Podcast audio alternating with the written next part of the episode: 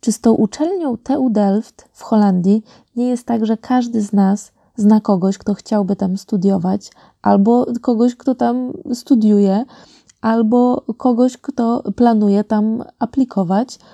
Wydaje mi się, że uczelnia jest mocno popularna i dosyć poważana wśród e, studentów architektury i urbanistyki, i jestem przekonana, że, że i wy o niej słyszeliście. I dzisiaj porozmawiamy sobie ze świeżą absolwentką studiów magisterskich na kierunku urbanistyka i moją dobrą znajomą Zuzą Sekułą. Z Zuzą znamy się z, ze studiów inżynierskich z Wydziału Architektury Politechniki Warszawskiej, także studiowałyśmy razem. Y, następnie obie zaczęłyśmy również program magisterski w Warszawie, który ja z przerwą dokończyłam, a Zuza przeniosła się właśnie na uczelnię TU Delft w Holandii, gdzie zaczęła dwuletnie studia magisterskie, które całkiem niedawno skończyła. Także w tym momencie Zuza już y, jest czynną urbanistką, żyje i pracuje w Rotterdamie. Natomiast ja wykorzystuję moment, że jeszcze świeżą pamięcią sięga w czasy studenckie i dopytuję o, o te studia, o program, o zajęcia. Rozmawiamy online, mimo że ja jestem osadzona w rzeczywistości amsterdamskiej, a Zuza rotterdamskiej, więc odległość jak Warszawa i Łódź albo Radom, albo nie, czekajcie, sprawdzę. Jak Warszawa i Łowicz. Także o czym rozmawiamy? No, jest trochę konkretnej wiedzy o programie rekrutacji, projektach, seminariach, wykładach czy pracy magisterskiej, całym tym procesie pisania pracy magisterskiej. Także będzie trochę konkretów, ale też ciężko było się powstrzymać od odbiegania od y, konkretnych wątków i gdzieś tam jednak ta nasza rozmowa orbituje i, i trochę dalej w przestrzeń, w kosmos y, wybiega, ale w pewnym momencie jednak wraca do konkretów. Pytam z jednej strony, dlaczego wybrała, dlaczego Zuza wybrała te studia, jak program generalnie wygląda, jak wygląda podział zajęć w ciągu tych dwóch lat ale też rozmawiamy o relacjach nauczyciel-student, albo nawet jak sami studenci dogadują się między sobą. Trzeba zaznaczyć, że jest to grono mocno międzynarodowe. Pytam, czy jest nastawienie bardziej na pracę indywidualną czy zespołową. Pytam, czy generalnie jest ciężko i czy da się popracować gdzieś w międzyczasie, jeśli jak to znamy y, z polskich warunków. Pytam na przykład, ile kosztują takie studia i czy jest szansa, żeby ktoś inny za to zapłacił. Zuza jest świeżo po pisaniu pracy magisterskiej, a w zasadzie po obronie, dlatego dopytuję, jak wyglądał proces tworzenia samej pracy magisterskiej. Mam nadzieję, że młodzi studenci coś się z tego dowiedzą, zainspirują. Starsi studenci sobie porównają uczelnie, a y, starsi architekci, urbaniści czy ludzie spoza branży po prostu sobie posłuchają luźnej rozmowy młodej architektki i urbanistki. Także zapraszam. W ogóle pamiętasz ten moment, gdzie ci przyszedł pomysł na to, żeby studiować za granicą? Generalnie myślę, że to przyszło mi taka idea do głowy około drugiego, może trzeciego roku studiów inżynierskich, że fajnie by było to zrobić. E, I miałam plan zrobić przerwę między inżynierką a magisterką e, na praktyki, tyle że się zapaliłam ze względów personalnych na pracę we Włoszech, w Mediolanie e, i tam aplikowałam, co myślę, że dużo osób wie, we Włoszech nie jest łatwo znaleźć pracę, szczególnie jeżeli nie mówisz po włosku e, albo nie masz tam jakichś dobrych połączeń, a ja celowałam tylko i wyłącznie w Mediolan. E, no i koniec końców tam nawet coś dostałam, ale potem mnie odwołali i potem już było za późno, żeby szukać czegoś dalej, więc stwierdziłam, a dobra, no to zrobię to może w następnym roku, może gdzieś indziej i zaczęłam po prostu magisterkę e, od razu, nie, bez tej przerwy. No i e, potem stwierdziłam, że w sumie, jeżeli chcę zaaplikować na studia, no to, to, to, to, to jest jedyny moment e, podczas tego pierwszego roku i chciałam aplikować tylko i wyłącznie do Delft. Stwierdziłam albo Delft, albo nic na tej zasadzie. Skąd to się, skąd to się wzięło? Robiłam research różnych uczelni i na początku chciałam do dwóch uczelni, właśnie do Delft i do Mediolanu, ze względu na, na język, na, na możliwości, na architekturę, którą się to robi i tak dalej. Szczególnie, że na początku e, chciałam aplikować na architekturę, jako że skończyłam architekturę w Warszawie ale tak z, z czasem robieniem portfolio i też studiowaniem pierwszego roku magisterki, jakby sama zadałam sobie pytanie, robiąc y, projekt y, architektoniczny, zresztą razem go robiłyśmy. I tak stwierdziłam, kurczę, w sumie to mi się to tak podoba i tak mnie to ciekawi, czemu nie skoncentrować się bardziej na, na tej urbanistyce, bo rzeczywiście mnie to zawsze bardziej ciągnęło i ciekawiło. I, i stwierdziłam się rozejrzeć, okazało, że tak jak generalnie wszędzie kierunki jest architektura i urbanistyka, tak jak u nas, i wtedy ta urbanistyka jest troszeczkę przekładana na dalszy tor, to w, w Delft jest podzielona architektura i urbanistyka, czyli urbanistyka jest oddzielnym kierunkiem. I stwierdziłam, że to super, bo w sumie e, jeszcze wtedy planowałam skończyć też e, studia w Warszawie, że miałabym i architekturę, i urbanistykę, po prostu sobie tak naprawdę rozszerzyć bardziej perspektywę i, i, i wiedzę na ten temat, bo czułam się niezbyt wyedukowana w tym temacie, powiedzmy. Mm. Szczególnie jeżeli chodzi o, o, o, urbanistykę nie tylko w Polsce, tak? No bo powiedzmy, uczymy się o tym, robimy projekty i tak dalej, więc jesteśmy dosyć dobrze wykształceni o tym, ale o takiej bardziej międzynarodowej wiedzy i tak dalej stwierdziłam, że, że w sumie chciałabym się tym zająć bardziej i dlatego tutaj złożyłam na tą urbanistykę i się w sumie mega cieszę, bo się okazało, że to jest właśnie ta rzecz, na, na którą bardzo lubię, która się bardzo interesuje. E, więc się dostałam, no i przyjechałam.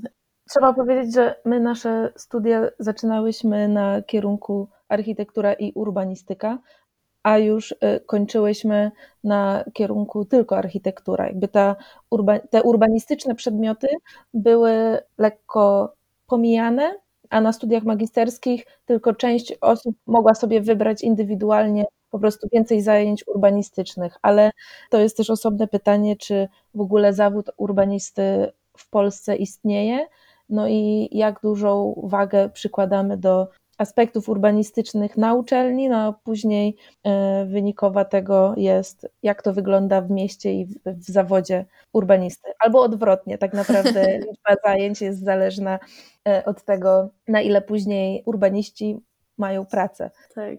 Wydaje mi się to bardzo skomplikowane, bo szczególnie jakby moja perspektywa teraz się też zmieniła ze względu na to, że mieszkam i pracuję w Holandii jako urbanista i architekt krajobrazu, bo to jest bardzo połączone to wszystko. I widząc w jakim stopniu, w, jak, w jaki sposób, w jakim stopniu tutaj się projektuje, jaka jest y, zależność międzybranżowa i też jak bardzo każdy ta y, czy dzielnica, czy, czy, czy nawet y, miasto jest zaangażowane w każdy projekt i że oni sami mają zawsze oddział y, urbanistyczny i tam są dyskusje i to naprawdę jest czasem międlenie tych projektów przez kilka lat. Mamy też projekty, które się ciągną po 5-10 lat i się nie mogą skończyć, bo ciągle są dyskusje. No to przy tym wydaje mi się, że, że, że, że jest duża różnica z tym, co, co jest w Polsce. Ja no nie pracowałam jako urbanista w Polsce, więc też mi jest ciężko powiedzieć, ale nawet jak odbywałam praktyki i na rozmowie rekrutacyjnej mnie zapytali, czym bym chciała się zajmować, powiedziałam, że chciałabym przede wszystkim robić urbanistykę, urban design, przestrzeń publiczną. No to mi powiedzieli tak, no, no to, to nie tutaj, nie? I, i, I potem na tak rozmawiałam z architektami, to powiedzieli, nie, tutaj to najpierw wszystko musi się zgadzać w Excelu, a, a potem e, możemy coś myśleć fajnego, a tutaj jest zupełnie inaczej. Tutaj najpierw jest urbanistyka, potem jest architektura i PUM, a najpierw zaczyna się od dyskusji, jaka jakość, e, co wprowadzasz, ile przestrzeni publicznej zwraca się z inwestycji do miasta i tak dalej, i tak dalej, więc jest no, zupełnie inaczej, więc e, więc nie chcę też mówić, że o, urbastyka w Polsce nie istnieje, bo na pewno istnieje i jest i są pewne biura, ale nie wiem, jak to dokładnie wygląda w detalu. Mhm. No dobra, ale to już jest y, a propos Twojej pracy, do tak. której i tak y, przejdziemy Dotrzemy. i mam taki, mam taki plan, ale jeszcze y, chcę popytać Cię o i rekrutację i, później, mhm. i same studia na TU Delft. No bo okej, okay, już, już wybrałaś uczelnię, jak wyglądała rekrutacja? Czy ciężko było się dostać? E, to znaczy jest dużo rzeczy do zrobienia, wydaje mi się, że to do każdej rekrutacji międzynarodowej, bo przede wszystkim no to trzeba stworzyć portfolio i każda uczelnia ma własne wymagania o ilości projektów, ilości e, stron, e, typu projektów, w jaki sposób to opisać i tak dalej, i tak dalej, czy CV razem, czy oddzielnie. No ale powiedzmy, każdy ma portfolio i tworzy jakąś tam bazę i potem to jest takie formowanie, co gdzie ustawić i tak dalej. No to trzeba było się rzeczywiście tam zmieścić chyba w 30 stronach. Trzeba było no oczywiście napisać swoje CV, napisać e, list motywacyjny, dosyć długi po angielsku. A jakieś e, certyfikaty językowe trzeba mieć? Tak, trzeba było napisać certyfikat, no, trzeba było mieć certyfikat y, albo TEFL, albo IELTS i tam też była y, najniższa, y, najniższy próg jakby, że musisz mieć powyżej iluś tam punktów. I list rekomendacyjny od prowadzącego ze studiów i z pracy, czyli jednocześnie trzeba było odbyć jakieś tam praktyki. Mhm. No i potem kwestia tego, czy aplikujesz jeszcze na stypendium, czy nie, to trzeba było uzupełnić dokumenty, bądź e, wysłać aplikację do pewnego momentu. I czy wtedy uczelnia wybiera na podstawie tych zgłoszeń, czy jest później rozmowa? E, nie, tutaj rozmowy nie było, to było tylko to zgłoszenie, więc dlatego ten list motywacyjny, myślę, musiał być dobrze napisany i przemyślany. Plus e, to nie był tylko list motywacyjny, ale oni też napisali, że było pytanie, e, jakie masz pomysły na swoją pracę magisterską, więc trzeba było podać już wtedy jakieś e, dwa pomysły. I dostałaś się na program urbanistyka. Czy naprawdę zajęcia różnią się od Twoich doświadczeń z polską uczelnią? Tak. znaczy przede wszystkim to ilość czasu, którą się poświęca, bo no to jest tylko i wyłącznie urbanistyka, tak? Więc program jest inny, e, też nawet w porównaniu z architekturą na, na, na tym samym uniwersytecie, dlatego że generalnie program magisterski to są dwa lata, z czego jeden rok to są zajęcia i projekty, drugi rok to jest magisterka, cały rok. Wydaje mi się, że też przez to, że tak naprawdę masz tylko jeden rok tej urbanistyki w znaczeniu zajęć, to on jest tak dosyć napakowany bo jednak jest dużo, żeby się nauczyć, żeby wyrównać jakoś poziom różnych ludzi i tak dalej, bo na te studia przychodzą architekci, przychodzą ludzie, którzy studiowali e, planowanie, no, generalnie z różnych państw, z całego świata tak naprawdę ludzie, więc każdy ma troszeczkę inny sposób pracy, inną wiedzę i tak dalej, więc żeby też wyrównać jakoś tam ten poziom. Więc y, rok jest podzielony, rok akademicki jest podzielony na cztery ćwiartki i w każdej ćwiartce, co jest około trzech miesięcy, dwóch, trzech miesięcy, jest y, jeden projekt. W ciągu tych dwóch, dwóch miesięcy masz jeden główny projekt y, i jeden lub dwa przedmioty wspomagający ten projekt. Zawsze. To są e, wykłady? To są no, wykłady i seminaria. Mhm. Ale to, to nie jest tego jakoś dużo i to generalnie ma na właśnie taki cel, żeby to wspomóc. Co wydaje mi się bardzo fajne, bo dzięki temu rzeczywiście jakby cały swój czas poświęcasz na ten research, na projekt i nie, nie rozpraszasz się na więcej różnych małych elementów. Głównym celem jest stworzyć rzeczywiście jeden fajny, duży pro, produkt.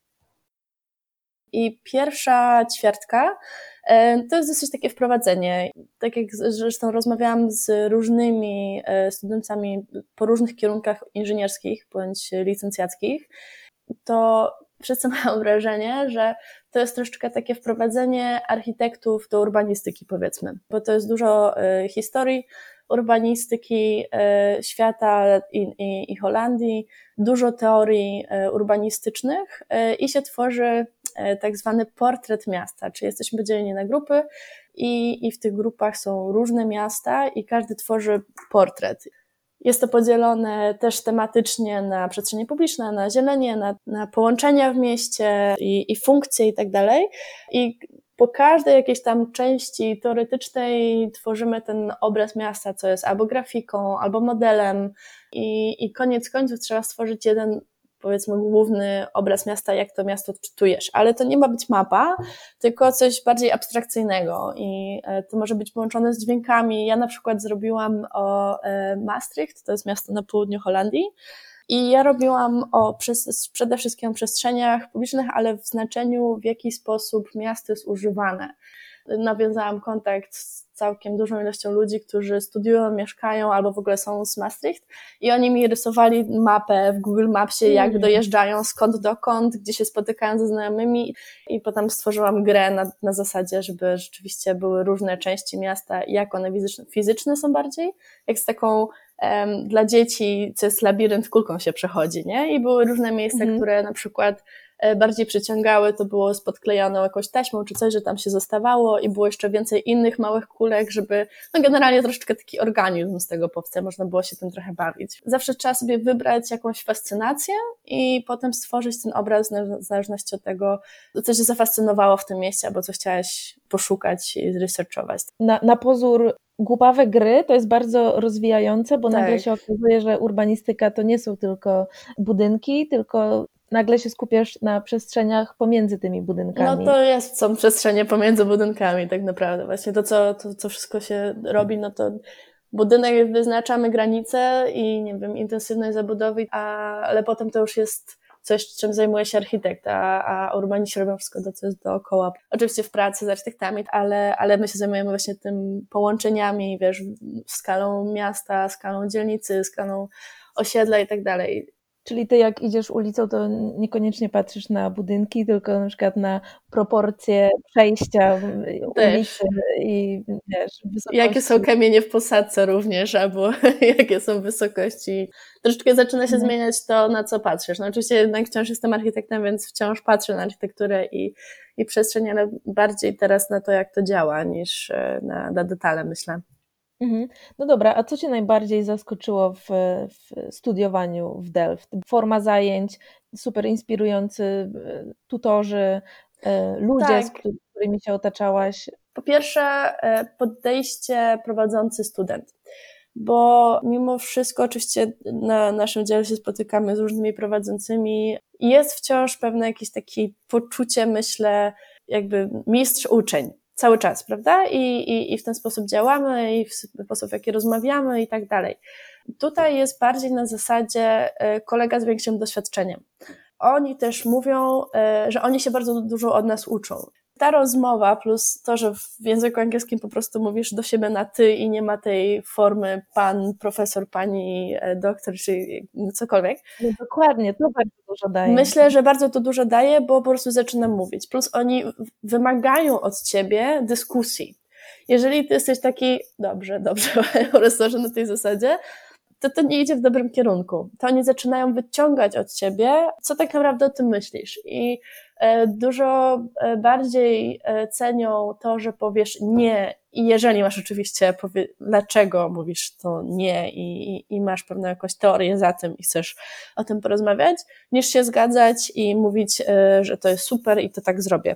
Oczywiście czasem jest tak, że rzeczywiście prowadzący mają rację i, i to wygląda fajnie, ale nie ma czegoś takiego, że ci powiedzą, mi się to nie podoba, więc, więc tak nie rób. To jest bardziej na zasadzie, a dlaczego chcesz to tak zrobić? Wytłumacz mi i jeżeli rzeczywiście coś jest bardzo głupie, no to powiedzą ci, ale nie w znaczeniu, że nie masz racji, jesteś głupi, bo jesteś młody, tylko na zasadzie teorii bądź praktyki, że dlaczego by to na przykład nie zadziałało albo bardzo dużo nawiązują do, do, do historii i tak dalej, że prze, przejrzyj na przykład ten i tamten projekt, albo był już taki ruch w urbanistyce, to dlaczego twój projekt będzie lepszy niż tamten i jakby sama zaczynasz myśleć na ten temat, researchować i tak dalej, więc to jest bardzo fajne.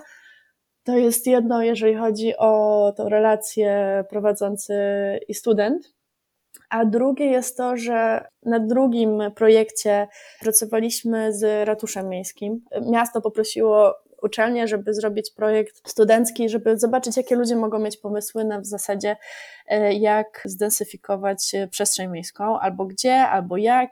I mieliśmy zajęcia takie, że właśnie ludzie z ratusza przychodzili i z nami rozmawiali, więc to było też super, bo oni mają ogromną wiedzę i nagle ten projekt studencki, który często jest taki, wiesz, troszeczkę z głową w chmurach, co jest potrzebne, zaczynał być taki e, poddawany próbie rzeczywistości. Więc to było też bardzo fajne, bo oni ci mówili, to jest super, rzeczywiście, ale w realnym świecie to może Wyglądało być tak. I wtedy tak. Więc wtedy zaczynasz troszkę myśleć, ok, to jak to rzeczywiście przenieść tą moją ideę do tego realnego świata i co z tym mogę zrobić, żeby to zadziałało, ale jednocześnie była wciąż ta e, idea widoczna, albo i, i to jest takie połączenie, więc to jest też bardzo fajne, myślę. I trzeci projekt też był e, prowadzony z, w Amsterdamie i to było planowanie e, regionalne, więc to też zupełnie inna skala, takiej, której też ja nigdy nie robiłam. Czy taka skala wojewódzka? Skala, tak, skala wojewódzka. I tutaj przede wszystkim była dyskusja na temat stakeholdersów, stakeholders, czyli wszystkich grup zaangażowanych aktorów.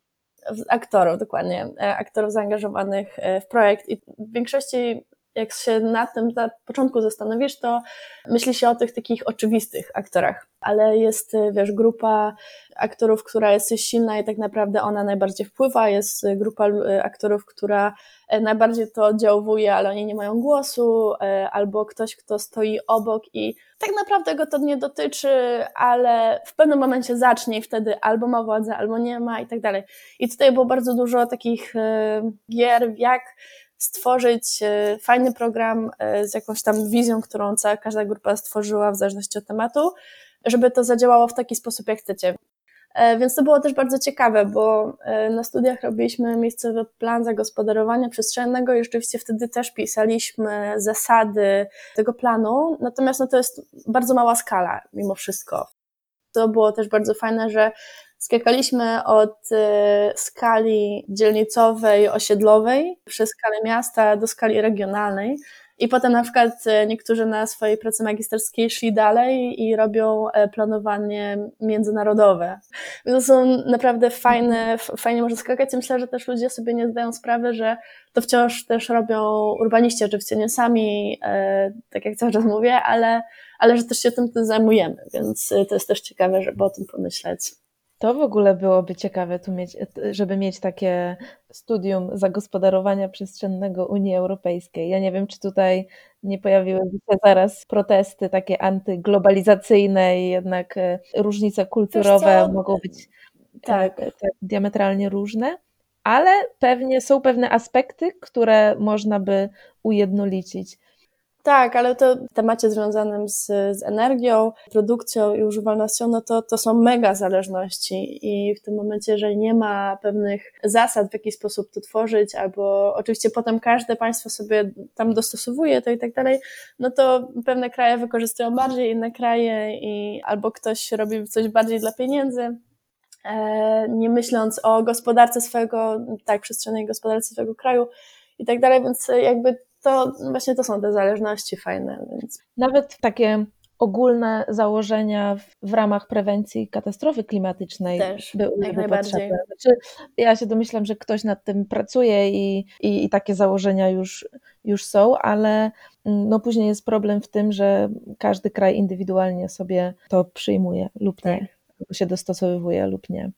Ale wracając jeszcze do uczelni, czy nastawienie w Delft było bardziej na, na indywidualizm, czy na pracę zespołową? Czy to było gdzieś zbalansowane?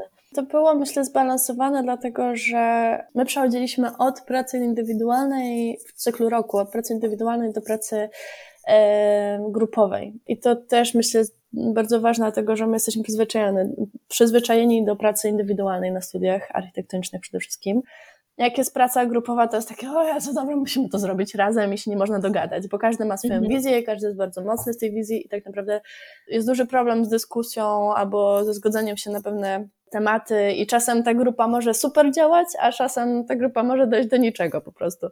Tutaj w ciągu studiów było tak, że ten pierwszy projekt był indywidualny, drugi projekt był początkowo grupowy, później indywidualny, czyli się robiło wspólną wizję, akurat w moim, przypadku to było Delft, zagospodarowania Delft i potem się dzieliliśmy na części i każdy robił swój projekt, ale w nawiązaniu do tej mm, wspólnej wizji. A potem kolejny projekt, czyli to e, regionalne planowanie, to był projekt grupowy w cztery osoby. No i potem ta czwarta, czwarta, o której nie powiedziałam, to są projekty wybieralne, więc e, wtedy są różne programy, różne skale, różne, ale myślę, że tutaj było dobrze to zbalansowane i też fajnie, że ta praca grupowa była tak naprawdę na samym końcu, kiedy my już się też dobrze poznaliśmy, lub bądź lepiej się poznaliśmy. Przeszliśmy pewne bariery kulturowe i językowe, które były na początku, bo to też jest duży problem, jeżeli nagle masz ludzi z całego świata i każdy myśli troszeczkę w inny sposób, i każdy w inny sposób mówi. I często jest tak, że na przykład niektórzy ludzie są bardziej wprost, niektórzy ludzie są troszeczkę bardziej wyciszeni. Trzeba było troszeczkę wyrównać ten poziom e, dyskusji też, żebyśmy byli w stanie wszyscy razem pracować i, i, i znaleźć ten balans. To jest taka praca zespołowa na poziomie zaawansowanym. Ale coś w tym jest, że urbaniści, architekci zawsze się uczymy o pewnych indywidualnościach, czy architektach, czy tych tak. naz wielkich nazwiskach i, i troszkę jesteśmy kształceni na wielkie indywidualności, a później się okazuje, że żaden e, większy zespół architektoniczny czy urbanistyczny nie będzie stworzony przez jedną osobę i zawsze to będzie wynik, że, że to będzie kompromis nie tylko zespołowy, ale później dochodzą negocjacje z e, przeróżnymi innymi instytucjami, tak. miastem, klientami i nagle się okazuje, że ta zdolność pracy zespołowej, którą to umiejętność każdy od razu da do swojego CV, tak naprawdę nie dotyczy wszystkich nas i, i, i to, tego trzeba się nauczyć z doświadczeniem już, już w pracy zawodowej. No albo na studiach najlepiej, wiadomo. Ale tak, skończyłaś e, TU Delft, obroniłaś się, czy tak z perspektywy czasu oceniasz te studia magisterskie jako bardzo ciężkie, intensywne i czy na przykład da, da się pracować e, tak w, tak zwanym międzyczasie? Powiem tak, myślę, że Wydział Architektury w Warszawie dobrze mnie przygotował na te studia z ilością pracy i, i pracą po nocach e, ze znajomymi. Byliśmy zahartowani. Pracy jest dużo, ale to też trzeba powiedzieć, że to jest jednak uczelnia holenderska i Holendrzy pracują w określonych godzinach. I tak, tak jak rzeczywiście potwierdzam. studenci międzynarodowi pracowali często też po nocach, to Holendrzy mają zupełnie inny rytm i oni pracują 9-18 i koniec. I oni nie pracują w weekendy. I moi holenderscy znajomi, no to może jeden, dwa weekendy pracowali w ciągu y, ćwiartki powiedzmy, nie? Przy oddaniu. Ale tak to nie. Mhm. A my jesteśmy nastawieni, że musimy pracować cały czas. Więc też zaczynasz też układać ten tryb pracy i, i myślę, że dzięki temu, że nie jest za, jakby za, za dużo, to, to, to, to jesteśmy w stanie y, normalnie funkcjonować ale mimo wszystko jest intensywnie, bo to też jednak jest dużo nowych e, tematów, bardzo dużo czytania. E, ja nigdy nie przeczytałam tak dużo artykułów i książek jak w czasie tych studiów, szczególnie związanych z, z urbanistyką, bo też tutaj po prostu mamy obowiązkowe, powiedzmy, czytanki, że tak powiem, o których później jest dyskusja. I jak zaczynasz czytać jeden artykuł, to nagle ktoś nawiązuje do kogoś innego, więc zaczynasz kolejny, kolejny, kolejny i to się może nigdy nie skończyć bo jednak na, na studiach inżynierskich oczywiście tam coś oczywiście się czytało, ale to nie była jakby baza, a tutaj jest bardzo nastawione na research i jednak e, to czytanie i teorie są bazą i potem oczywiście ty tworzysz swoją teorię bądź swój projekt e, albo dyskusję. Pracy jest dużo ze względu na to, że jednak są te trzy, cztery ćwiartki i trzeba dostarczyć w ciągu roku cztery projekty, które są duże, plus każdy projekt jest też opisowy. Rozumiem, że nie da się raczej popracować gdzieś w międzyczasie, jak e, to znamy. Którzy pracowali, ale to było na zasadzie e, raz, dwa razy w tygodniu i wtedy e, weekendu to może masz jeden dzień. I wtedy jest naprawdę intensywnie. To nie jest tak, że możesz pracować i studia robić w międzyczasie. To się nie da. No jednak tutaj przyjeżdżasz po to, żeby studiować, bo jedziesz za granicę i masz e, tą e, międzynarodową ekipę i chcesz skorzystać jak najwięcej możesz, bo też prowadzący są e, z całego świata i to są ludzie, którzy albo pracują również w biurach, albo prowadzą aktywnie research i piszą i wydają książki i tak dalej, więc oni są cały czas w temacie albo pracują w, w międzynarodowych researchach europejskich czy, czy holenderskich, więc oni są cały czas e, aktywni, więc też chcesz się od nich nauczyć jak najwięcej możesz. Nie chcesz po prostu przemknąć przez te studia, pozaliczać, po, po, porobić te projekty, ale chcesz naprawdę z tego skorzystać, więc myślę, że to podejście jest też, e, też trochę inne, e, dlatego no ja znałam może dwie osoby, które pracowały w czasie studiowania, ale no oni mówili, że jest bardzo ciężko, albo coś opuszcz musieli opuszczać, albo pracę, albo studia no, mówię przynajmniej przy urbanistyce, bo e, sporo moich znajomych architektów jednak w pewnym momencie pracowało na pół etatu, bo mieli trochę inny tryb pracy. Trzeba też powiedzieć, że y, studia są płatne, więc to też y, motywuje. To jest dodatkowa motywacja. Pamiętasz, ile, ile kosztuje? Wiem, że to też zależy, czy masz stypendium, dofinansowanie. Zależy od tego, czy jesteś z, Europy, z Unii Europejskiej, czy nie. Bo ludzie z Unii Europejskiej płacą coś około 2000 euro, mniej więcej 10 tysięcy złotych, więc to tak jak nasze płatne studia są za rok za rok. Czyli to tak jak e, płatne studia w Warszawie mniej więcej, masz troszeczkę więcej, bo tam w zależności od jak euro stoi. E, jeżeli masz stypendium, no to e, uczelnia ci opłaca te, te, te studia. Całość? Tak, było całość. To jest tak, że w zależności od stypendium, bo są oczywiście różne stypendia, opłacają ci na przykład studia i mieszkanie albo studia i coś tam, więc po prostu zazwyczaj jest tak, że opłacają ci studia i potem to, co zostaje, to ci miesięcznie przelewają na konto.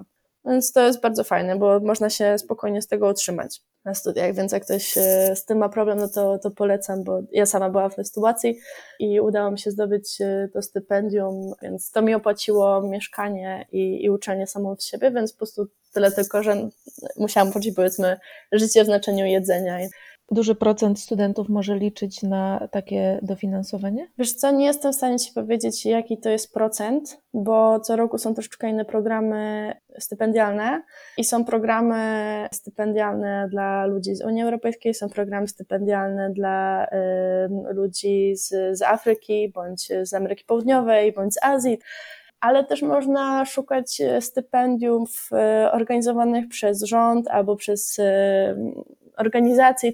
E, wiem, że też takie istnieją. Na, w ogóle na uczelni TU Delft jest bardzo dużo studentów z Polski, prawda? Jest, zaczęła się robić coraz bardziej popularna i tak jak jeszcze kilka lat temu, no to było dosłownie kilku studentów, szczególnie na architekturze, to teraz architektury, na architekturze jest bardzo dużo Polaków. Jestem w ogóle ciekawa, skąd to się wzięło? Z TU Delft jakoś prowadziło kampanię w Polsce, czy to raczej jakąś pocztą pantoflową, po prostu uczelnia była, zaczęła być bardzo polecana. Myślę, że to jest połączenie wielu rzeczy, że po pierwsze studiowanie za granicą chyba staje się coraz bardziej popularne. W znaczeniu takim, że e, tak naprawdę każdy może i może jest troszeczkę bardziej też finansowo dostępne, coraz więcej programów e, anglojęzycznych. Tak, są, nie, nie trzeba znać języka danego kraju, tylko jest coraz więcej programów anglojęzycznych.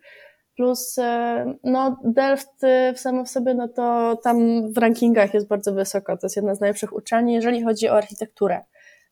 Tak, chociaż powiem Ci, że jak teraz jestem w Holandii i mam coraz więcej znajomych architektów, urbanistów, to bardzo oni chwalą między innymi Akademię w Amsterdamie albo mhm. chociażby e, uczelnię techniczną w Eindhoven i, i gdzieś to Delft z Eindhoven, z Amsterdamem niejednokrotnie jest w jednej linii, jeśli mhm. chodzi o taką opinię wewnątrz Holandii, tak.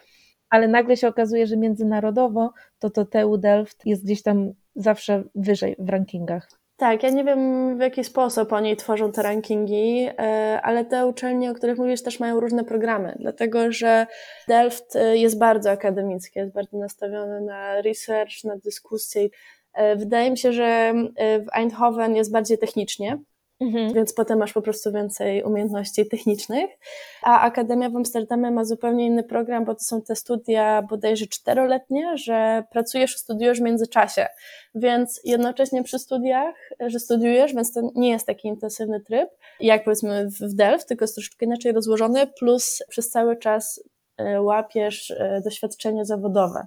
Tak. Więc też w inny sposób zaczynasz projektować, myśleć. Więc może w, potem w pracy rzeczywiście to jest y, dużo bardziej przydatne, y, więc myślę, że każda ta uczelnia daje ci no, różne umiejętności lub podejście do tematu. Tak, plus no, Akademia nawet z nazwy świadczy o tym, że jest y, nieco mniej techniczna niż tak. Eindhoven czy, czy Delft. O kurde, ile, ale my będziemy długo rozmawiać, człowieku. Powycinasz. Nie, e, bardzo chciałam Cię dopytać o Twój cały też proces pisania pracy magisterskiej, bo obie jesteśmy stosunkowo na świeżo. Ja po uczelni warszawskiej, Ty po TU Delft. Oczywiście, jeśli chodzi o e, samą merytorykę, projekt i podejście, to tak naprawdę to powinien być osobny odcinek podcastu, mam wrażenie. Więc bardziej mnie interesuje jakby cały ten proces projektowy część e, i researchowa, i Twojego wyjazdu, i co, jak ten wyjazd został zorganizowany, co on wniósł do, do dyplomu. No i jak wyglądała, nie wiem, sama, sama obrona. Okej. Okay. Może zacznę, może zacznę od tego, w jaki sposób jest zorganizowany ten rok pracy magisterskiej. E, więc cały rok jest podzielony na pięć prezentacji, co już w pewien sposób ustawia Twoją pracę, bo masz jednak deadline, których potrzebujemy. Mhm. Oczywiście każda w ogóle prezentacja jest otwarta, każdy może na tą prezentację przyjść, od tego zacznijmy.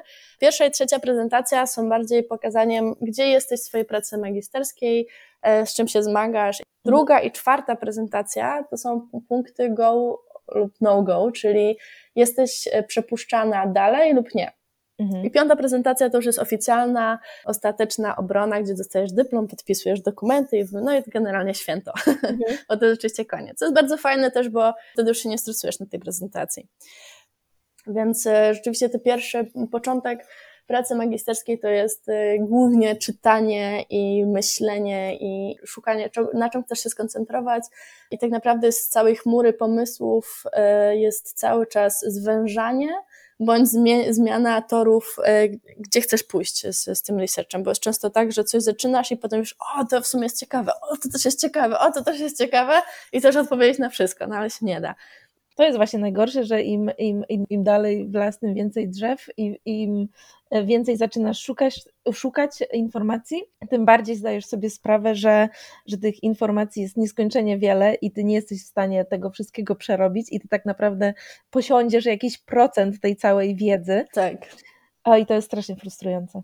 Na mnie moi prowadzący cisnęli do samego końca, żebym zwęziła, bo cały czas coś mi przychodziło nowego do głowy, albo chciałam za dużo wziąć sobie na, na ramiona. Mhm. E, ale właśnie ten, te, przez to, że jest tak podzielone, to, to też fajnie troszeczkę cię nakierunkowuje, bo nie jesteś po prostu, jesteś ograniczona czasem, nie to ostateczną obroną, tylko w międzyczasie, więc to też bardzo fajne. Więc e, pierwsza prezentacja jest taka mm, e, ogólna, bardziej, żeby pokazać, gdzie jest dyskusja, a co masz na myśli, a w jakim kierunku chcesz pójść. Mhm. Potem jest e, prezentacja druga, która jest po świętach, więc niektórzy mają święta, niektórzy nie, bo mają zaraz po. Mhm. Natomiast i to jest ta prezentacja go lub no go. Jeżeli ją zdasz, to możesz iść dalej swoim researchem, jeżeli jej nie zdasz, to wracasz do początku. Później jest y, prezentacja trzecia, na która znowu jest po prostu takim midtermem, że, że pokazujesz mniej więcej, co zrobiłaś. Ja na przykład między drugą a trzecią pojechałam na field trip, e, żeby zobaczyć i poznać i tak dalej, więc y, moja prezentacja trzecia to było przede wszystkim, co, czego się dowiedziałam, co zobaczyłam i co chcę z tym zrobić i w jakim kierunku teraz pójść, co się zmieniło. Potem jest ta czwarta prezentacja, co jest y, znowu ten punkt y, go lub no go, tylko że tym razem nie wracasz do początku, do punktu wyjścia, tylko po prostu mówię ci, ok, jednak uważamy, że potrzebujesz jeszcze tam trzy miesiące więcej, bądź dwa miesiące więcej, żeby to dokończyć. Jeżeli to zdasz, to tak naprawdę już zdałaś magisterkę. Na najniższą ocenę ale już zdałaś. Okay. I ta ostatnia, piąta prezentacja, która jest około miesiąca po, to już jest e, oficjalna, na którą przychodzi rodzina i znajomi, w ogóle wszystko są super, mhm. hiper. I wtedy masz prezentację, jest dyskusja, komisja wychodzi, wraca i mówią ci, jaką dostałaś ocenę i mhm. podpisujesz swój dyplom. Już, już wiesz, że rodzina może kupować bilety lotnicze i nie e, będzie. Tak. Dokładnie. Więc jeżeli chodzi e, o tą pracę, to również i na architekturze, i na urbanistyce zapisujesz się do studiów takiego departamentu jakby. Do departamentu, dokładnie. Mhm. I wtedy rzeczywiście jest bardzo duży wybór. Ja na przykład zapisałam się do studia Complexities, które się zajmuje kompleksowością miast, powiedzmy, e, dlatego że one miały największą, największą możliwość robienia, co się chce bo ja jeszcze nie byłam zdecydowana konkretnie, wiedziałam, że chcę robić e, projekt e, związany z nowymi miastami w Afryce, ale o czym to jeszcze nie wiedziałam dokładnie. Mhm. I ty wiedziałaś, że nie chcesz robić mm, dyplomu w Holandii czy w Polsce? Wiedziałam, że chcę robić projekt e, poza Polską i Holandią, najlepiej poza Europą, dlatego że wiedziałam, że chyba, że wyjadę poza Europę, to to jest moja jedyna szansa na to, żeby rzeczywiście zrobić coś szalonego. I że to jest miejsce i czas, kiedy mogę to zrobić, bo są e, nauczyciele, którzy mi z tym pomogą. Mam możliwości, bo też można aplikować do finansowania, do, do wyjazdów i tak dalej, więc wiedziałam, że no to jest ta szansa. Ale faktycznie, no to jest idealny moment. Później e, raczej Twoja praktyka tak. zawodowa będzie się obracać wokół Europy, więc dlaczego nie? Finalnie twój projekt znalazł się w środku Afryki, w Kenii. Jak, jak do tego tak. doszło i jak, jak zorganizowałaś e, wizytę lokalną?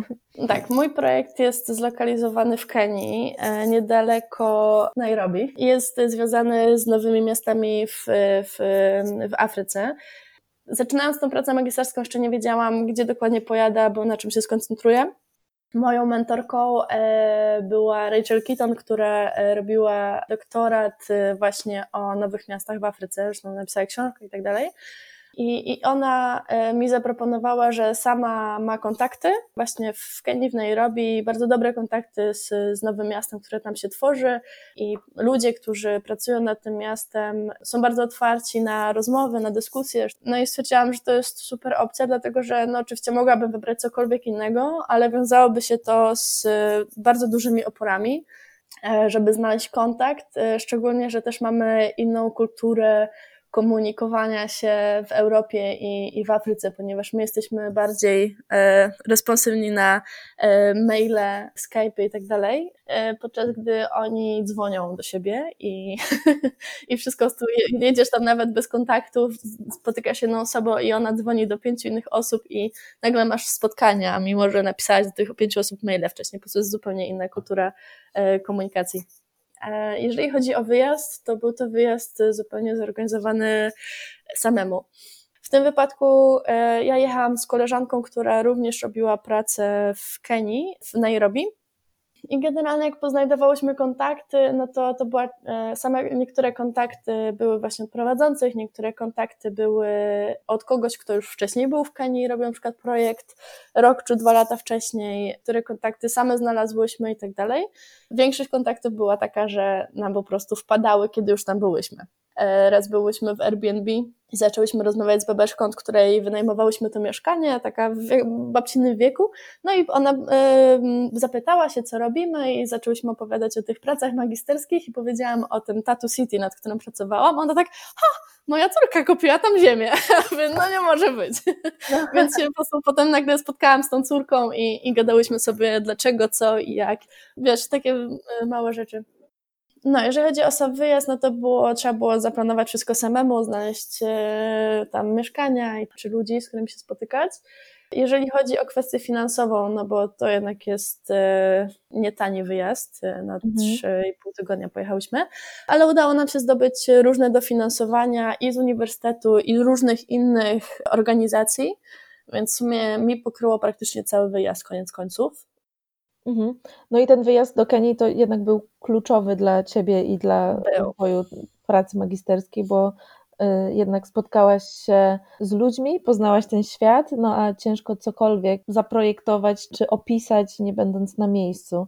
Co ty robiłaś przez te 3,5 tygodnia? Zacznę od tego właśnie, jak się zmieniła moja perspektywa. Teoretycznie my czytamy i oglądamy filmy, teoretycznie wiemy, jak to mniej więcej tam jest, albo jakie są problemy, jakie społeczne problemy i tak dalej, które mają bardzo duży wpływ na, na późniejsze projektowanie. Ale jednocześnie, znając y, kontekst europejski i masy teorii, zaczynamy rzucać pewnymi teoriami, że a przecież to można zrobić tak i to tak działa no nie działa do końca, jak się już tam pojedzie. I mhm. dla mnie kluczowe było to, że e, przed wyjazdem stworzyłam pewien jakiś e, program, jak można myśleć o stworzeniu miasta, które jest otwarte powiedzmy dla wszystkich, które nie wyklucza społecznie e, ludzi. No i jak pojechałam już do Kenii, to się okazało, że jednak te podejście europejskie czy, czy amerykańskie to wcale tam nie będzie działać, że środowisko wygląda zupełnie inaczej że miasto jest bardzo podzielone, e, że ludzie są bardzo podzieleni. E, nawet ludzie mieszkający w Nairobi po prostu się nie zapuszczają do pewnych terenów i ja z, z tą moją mieszkałyśmy w tym momencie w oni chcieli tego nazywać slumsem, ale to była taka nieformalna część miasta, zbudowana po prostu ludzi, którzy się tam zaczęli osiedlać. To nie, było, to nie była kiberań z tych rzeczy, to było miejsce, do którego na przykład taksówkarze nie chcieli jechać, nie chcieli nas tam zabrać, bo się bali. Mm. Mówi, Boże, czemu wy tutaj jesteście dwie, e, dwie dziewczyny, które po prostu od razu się rzucają w, w oczy, bo, bo jesteście Europejkami, zresztą dwie blondynki. Europejskie, idealistyczne podejście, że a teraz ja wam powiem, że tutaj musi być równość społeczna i, i wystarczy wszystkich pomieszać i Dokładnie. zaprojektować fajne przestrzenie publiczne i wszystko będzie śmigać. Dokładnie. Ale jak już miałyśmy same gdzieś potem się wynieść i szukać, no to, to już na zamkniętym osiedlu e, i podjeżdżając pod bramę, przy której był ochroniarz, więc po prostu wiedziałyśmy, że ja sama odczułam na własnej skórze, że to nie jest takie hop do przodu, żeby mhm. wszystkich zmierzać, bo sama szukałam pewnej jakiejś e, izolacji i, i bezpieczeństwa w tym wszystkim. No i to wpłynęło na Twoje rozważania? Tak, bardzo wpłynęło na moje rozważania. Tego Tattoo City jeszcze nie ma. Dopiero zaczynają tam coś budować, ale przede wszystkim e, cały czas jest planowanie. Jakby też nie ma bardzo tam co zobaczyć, ale można zobaczyć, e, co jest dookoła. Tam są e, tak zwane nieformalne osiedla, szczególnie zamieszkane przez ludzi, którzy pracowali wcześniej, bo to była plantacja kawy wcześniej. No a teraz już plantacji nie ma, ludzie dalej mieszkają, tylko jest coraz większa bieda, więc też zaczyna być coraz więcej przestępstw i tak dalej. E, więc jednocześnie też nie możesz po prostu otworzyć sobie tego miasta, bo, no bo nikt nie będzie chciał kupić tam ziemi, bo każdy, kto jest w stanie kupić finansowo i jest powiedzmy na tym poziomie, no to chce mieć właśnie jednak to zamknięte osiedle i czuć się bezpiecznym e, i tak dalej. Więc e, to też było ciekawe zobaczyć, porozmawiać z architektem tego miasta, takim głównym powiedzmy, który tam zarządza wszystkim. Kto to projektował? Jakiś e, lokalny architekt? Jak to ma funkcjonować? Jaka jest idea za tym? To jest ogromne, e, ogromne założenie. Generalnie to będzie dla 150 tysięcy mieszkańców. To kawał miasta. To jest, no to jest kawał miasta. To jest e, prawie Rzeszów. I to nie jest bardzo intensywna zabudowa. Nowe miasto e, jest pojęciem akademickim. Ze względu, to jest stworzone pojęcie, ze względu na wielkość, ilość i tak dalej. Prawnie nie jest to, nie, nie może mieć to nazwy miasta. Jest to prywatne założenie, jest to prywatne, prywatne takie osiedle, tylko ogromne. Taka jurydyka kenijska. Troszkę tak, no tak. Jest to prywatne i jest to stworzone przez firmę amerykańską, jakby angielsko-amerykańską.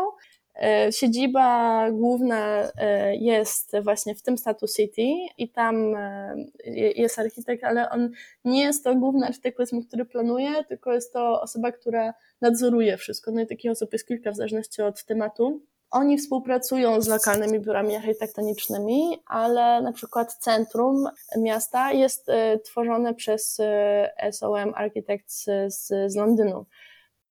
Generalnie założenie jest takie, że są pewne części miast i możesz do nich wejść po sprawdzeniu ciebie zazwyczaj, e, jeżeli nie jesteś rezydentem, to tam chcą zrobić facial recognition, żeby generalnie wszystko było wiadomo, kto wchodzi. I oni mają taką politykę, Generalnie jak już wejdziesz, to możesz robić co chcesz. Kwestia jest tego, żebyś wszedł. Jeżeli na przykład masz e, jakieś e, przestępstwa w przeszłości czy cokolwiek, no to wtedy cię nie wpuszczą, bo jesteś potencjalnym zagrożeniem. Więc jakby dopiero próbują to rozgryźć, jak to zadziałać, no bo też nikt nie kupi mieszkania tam, jeżeli nie będzie to bezpieczne. Plus tutaj jeszcze dochodzi całość, wiesz, możemy mówić właśnie potem te europejskie czy amerykańskie przykłady, a jak to zrobić, żeby jednak e, było otwarte, bezpiecznie, ale tutaj dochodzi jeszcze cały status i, i pewne myślenie e, i postrzeganie statusu w znaczeniu tego, gdzie mieszkasz i co masz. Czyli tam, jeżeli mieszkasz na osiedlu zamkniętym, to znaczy, że jesteś klasą średnią, czy samochód i, i, i zamknięte osiedle, więc jeżeli to osiedle nie jest zamknięte, to, no to, to znaczy, że ty nie jesteś na odpowiednim statusie społecznym i tak dalej, więc tutaj mhm. jest, to nie jest tylko, wiesz, taka kwestia bezpieczeństwa, tylko jeszcze bardzo duża kwestia pewnej wizji i, i myślenia i, i tak dalej. Mhm. Więc to dlatego było dosyć skomplikowane. Mam wrażenie, że Twoje podejście wtedy musiało się zmienić prawie o 180 stopni. Z idealistycznego podejścia typu otwórzmy wszystkie granice i nie grudźmy się, nie kontrolujmy się, tylko naturalna samokontrola sprawi, że będzie bezpiecznie, na zaakceptowanie pewnych barier, które mają podstawy historyczne, kulturowe i tak dalej, i jednak pewna kontrola, podział, granice muszą istnieć, bo inaczej to nie ma racji bytu. Tak. Mm, moje podejście zmieniło się bardzo, tak jak mówisz, ale zmieniło się właśnie w kierunku takim, żeby połączyć realie z tym podejściem akademickim. Mhm. Czyli zaczęłam myśleć, w jaki sposób mogę użyć teorii w tym konkretnym przypadku, tak żeby to jednak zadziałało, ale jednocześnie dać to poczucie bezpieczeństwa, jakiegoś typu rozwoju, który, który tam jest, pokazany i który, który sama napotkałam mhm. i w którym czułam się dobrze. Więc to rzeczywiście zmieniło bardzo moje podejście bez tej wycieczki e, do Kenii, no to ta moja praca byłaby takim idealistycznym właśnie przysłowiowo studenckim bujaniem w chmurach. Mhm. Tak, takie próby też trzeba podejmować, tak? Bo, bo... Trzeba podejmować i trzeba, myślę, właśnie moja ta praca magisterska ideą było to, że zróbmy coś małymi krokami, żeby nie, nie pójść e, cały czas w ten sam sposób, bo będziemy powielać e, problemy, które istnieje, istniały i istnieją wszędzie, czyli generalnie powstawanie ogromnych osiedli, slumsów zazwyczaj, które się dalej w slumsy dookoła miasta, bo miasto jest centrum e, pracy, pieniędzy i, i dobrobytu. I, I tak jak mamy bardzo wiele przypadków, że masz wiesz, miasto i dookoła po prostu zaczyna się ono rozlewać w sposób niekontrolowany. Mhm.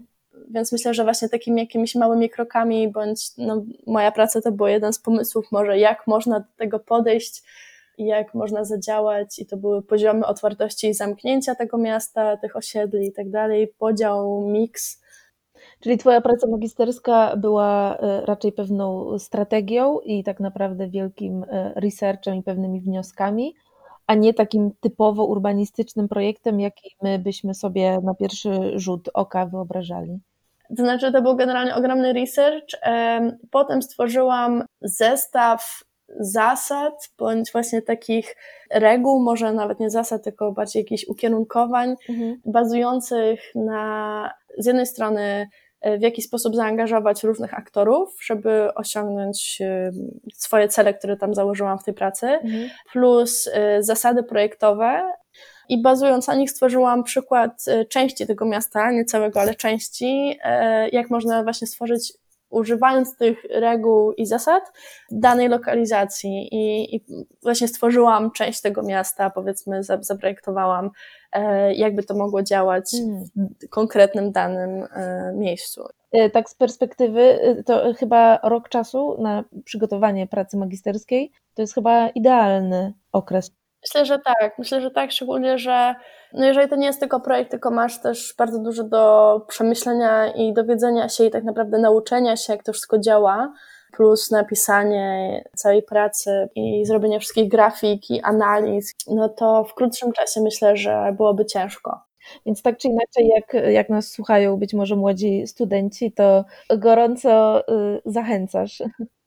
Tak, mogę też e, tak podpowiedzieć, że pamiętam jak przed e, studiami, jak już, e, jeszcze zanim się dostałam, ale już myślałam właśnie, żeby pójść i byłam taka podekscytowana samą myślą, to jest bardzo dużo online kursów, również e, z, z Delft, ale też e, ze Szwajcarii, z, z Włoch. Generalnie jest bardzo dużo e, kursów udostępnionych z prowadzącymi normalnie z, z uczelni o przeróżnych tematach. O architekturze i, i o urbanistyce, i o zrównoważonym rozwoju, i technologiach, więc naprawdę można nawet z domu sobie fajnie posłuchać i, i troszeczkę się też dowiedzieć różnych nowych perspektyw. I też na przykład te programy Athens są e, prowadzone, więc pamiętam, że jak był, my byliśmy akurat w Mediolanie, ale wiem, że też są w Delft, więc tak, ktoś może, tak. jak będzie chciał, można zaaplikować, pojechać sobie na tydzień. W wakacje jest też e, szkoła wakacyjna Delft, tam Summer School, um, zawsze organizowana. W tym roku może nie być ze względu na, na wirusa. Być może ze względu na wirusa będą dużo łatwiej dostępne przeróżne kursy, E, warsztaty, nie wiadomo co, po prostu online, więc tak. tym bardziej pewnie będzie się dało w tym uczestniczyć. No dobra, tak naprawdę już rozmawiamy półtorej godziny, ale ja tu jeszcze o, o pracy chciałam porozmawiać. A co Cię najbardziej w pracy urbanisty w Holandii zaskoczyło? Bo rozumiem, że ten szok i tak był pomiędzy studiowaniem a pracowaniem. W Polsce też to występuje, widocznie na wszystkich studiach to występuje, bo, no bo y, faktycznie studenci trochę innego podejścia potrzebują i później jest ten, ten szok, jeśli chodzi o praktykę zawodową. Co u Ciebie było takim największym, nie wiem, zaskoczeniem? Wydaje mi się, że ilość rozmów przed w ogóle zaczęciem pracy dyskusje i ile partii jest, y, ile aktorów jest zaangażowanych w każdą dyskusję i jak bardzo dyskusje są zaangażowani mieszkańcy, e, nie tylko ci, którzy rzeczywiście będą mieszkać w danym, powiedzmy, bloku urbanistycznym, mm. tylko dookoła. Plus też to, jak jak dużo jest rozmów pomiędzy klientem, e, jakby zespołem tym projektowym i e, ratuszem.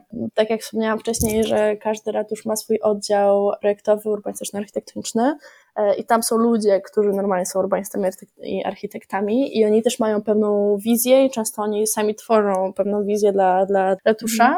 No i potem jeżeli to masz coś innego, no to wtedy są dyskusje i każdy projekt nawet jeżeli to jest Twoja ziemia, powiedzmy jako inwestor ją kupiłaś, e, to jest część, którą musisz zwrócić jako przestrzeń publiczna do, e, do miasta. Więc e, wtedy też są na przykład rozważania, ok, możecie wybudować wyższą intensywność zabudowy, jeżeli na przykład my dostaniemy to, nie wiem, szkołę, park, cokolwiek. I wtedy są jakby dyskusje na temat, co jakby taka, wiesz, troszkę... Negocjacje negocjacje, dywagacje na tym, co, jak zrobić i tak dalej. Tak, tak samo y, w, w architekturze muszę przyznać, że tych konsultacji i z mieszkańcami, i z urzędem, i z komisją piękna, tak zwaną. Tak, tak, tak. Beauty Committee i też y, Monumental Committee i Historical mhm. Committee i wszystkie możliwe, o których pomyślisz committee, musisz przez nie przejść, dla każdego stworzyć oddzielną prezentację. Żeby pokazać Twój projekt z różnych perspektyw, więc też też bardzo fajne rzeczywiście wystawia się na próbę każdy projekt, czy jesteś, czy rzeczywiście wpasowuje się w dany kontekst. Tak czy nie, a nie to, że wpasowuje się w jeden, a w drugi to nie i dopiero się to zobaczy. Nawet jak po. coś siedzi w planie miejscowym, to nie znaczy, że to już może być realizowane, bo może być jeszcze bardzo dużo dyskusji w międzyczasie, bo którejś z komisji się to nie spodoba, trzeba będzie zmienić e, projekt. E, w ogóle, jeśli chodzi o też takie nowe urbanistyczne podejście, nie wiem, czy słyszałaś o tak zwanym amsterdamskim pączku, o nowej strategii dla Amsterdamu i to się nazywa Economics Donut chyba. Schemat generalny po prostu przypomina takiego donata. To jest strategia ekonomiczna, którą teraz Amsterdam przyjął, bo wykorzystuje aktualny kryzys, żeby jak już nastąpi czas po pandemii, nie było nagle tylko nastawienia na odbicie y, stricte gospodarczo-finansowe i nadrabianie wszystkich mhm. strat i, i, powrót do dużego konsumpcjonizmu i dopiero po jakimś czasie ogarnięcie się, że a faktycznie przecież dyskutowaliśmy a propos katastrofy klimatycznej, to trzeba wrócić do całego zrównoważonego rozwoju, tylko trochę wykorzystują aktualny kryzys, aktualną pandemię, żeby w zrównoważony sposób wprowadzać zmiany, żeby podstawą dobrobytu gospodarczego nie był wzrost finansowy i ciągły wzrost gospodarczy i tylko, nie wiem, e, zależność od praw popytu, podaży, tylko żeby tym gwarantem e, dobrobytu generalnie w mieście e, były, nie wiem, jakieś takie fundamenty socjalne i taki dobrobyt społeczny, żeby on był tą podstawą, a nie ciągły wzrost gospodarczy. Z jednej strony chodzi o to, żeby zapewnić ludziom takie minimum bytowe, czyli dach nad głową, wyżywienie, podstawowe warunki sanitarne, mm, ale też równość społeczną, jeśli chodzi o płeć, jeśli chodzi o prawa, nie wiem, wyborcze, polityczne i tak dalej. Mhm. A z drugiej strony to ten drugi donatowy, pączkowy okrąg to są te wszystkie ograniczenia klimatyczne. Nie? Czyli jak, e, jak maksymalnie człowiek może się posunąć, żeby jednak nie pogłębiać katastrofy klimatycznej. Więc y, polecam, bo to bardzo takie przyszłościowe myślenie.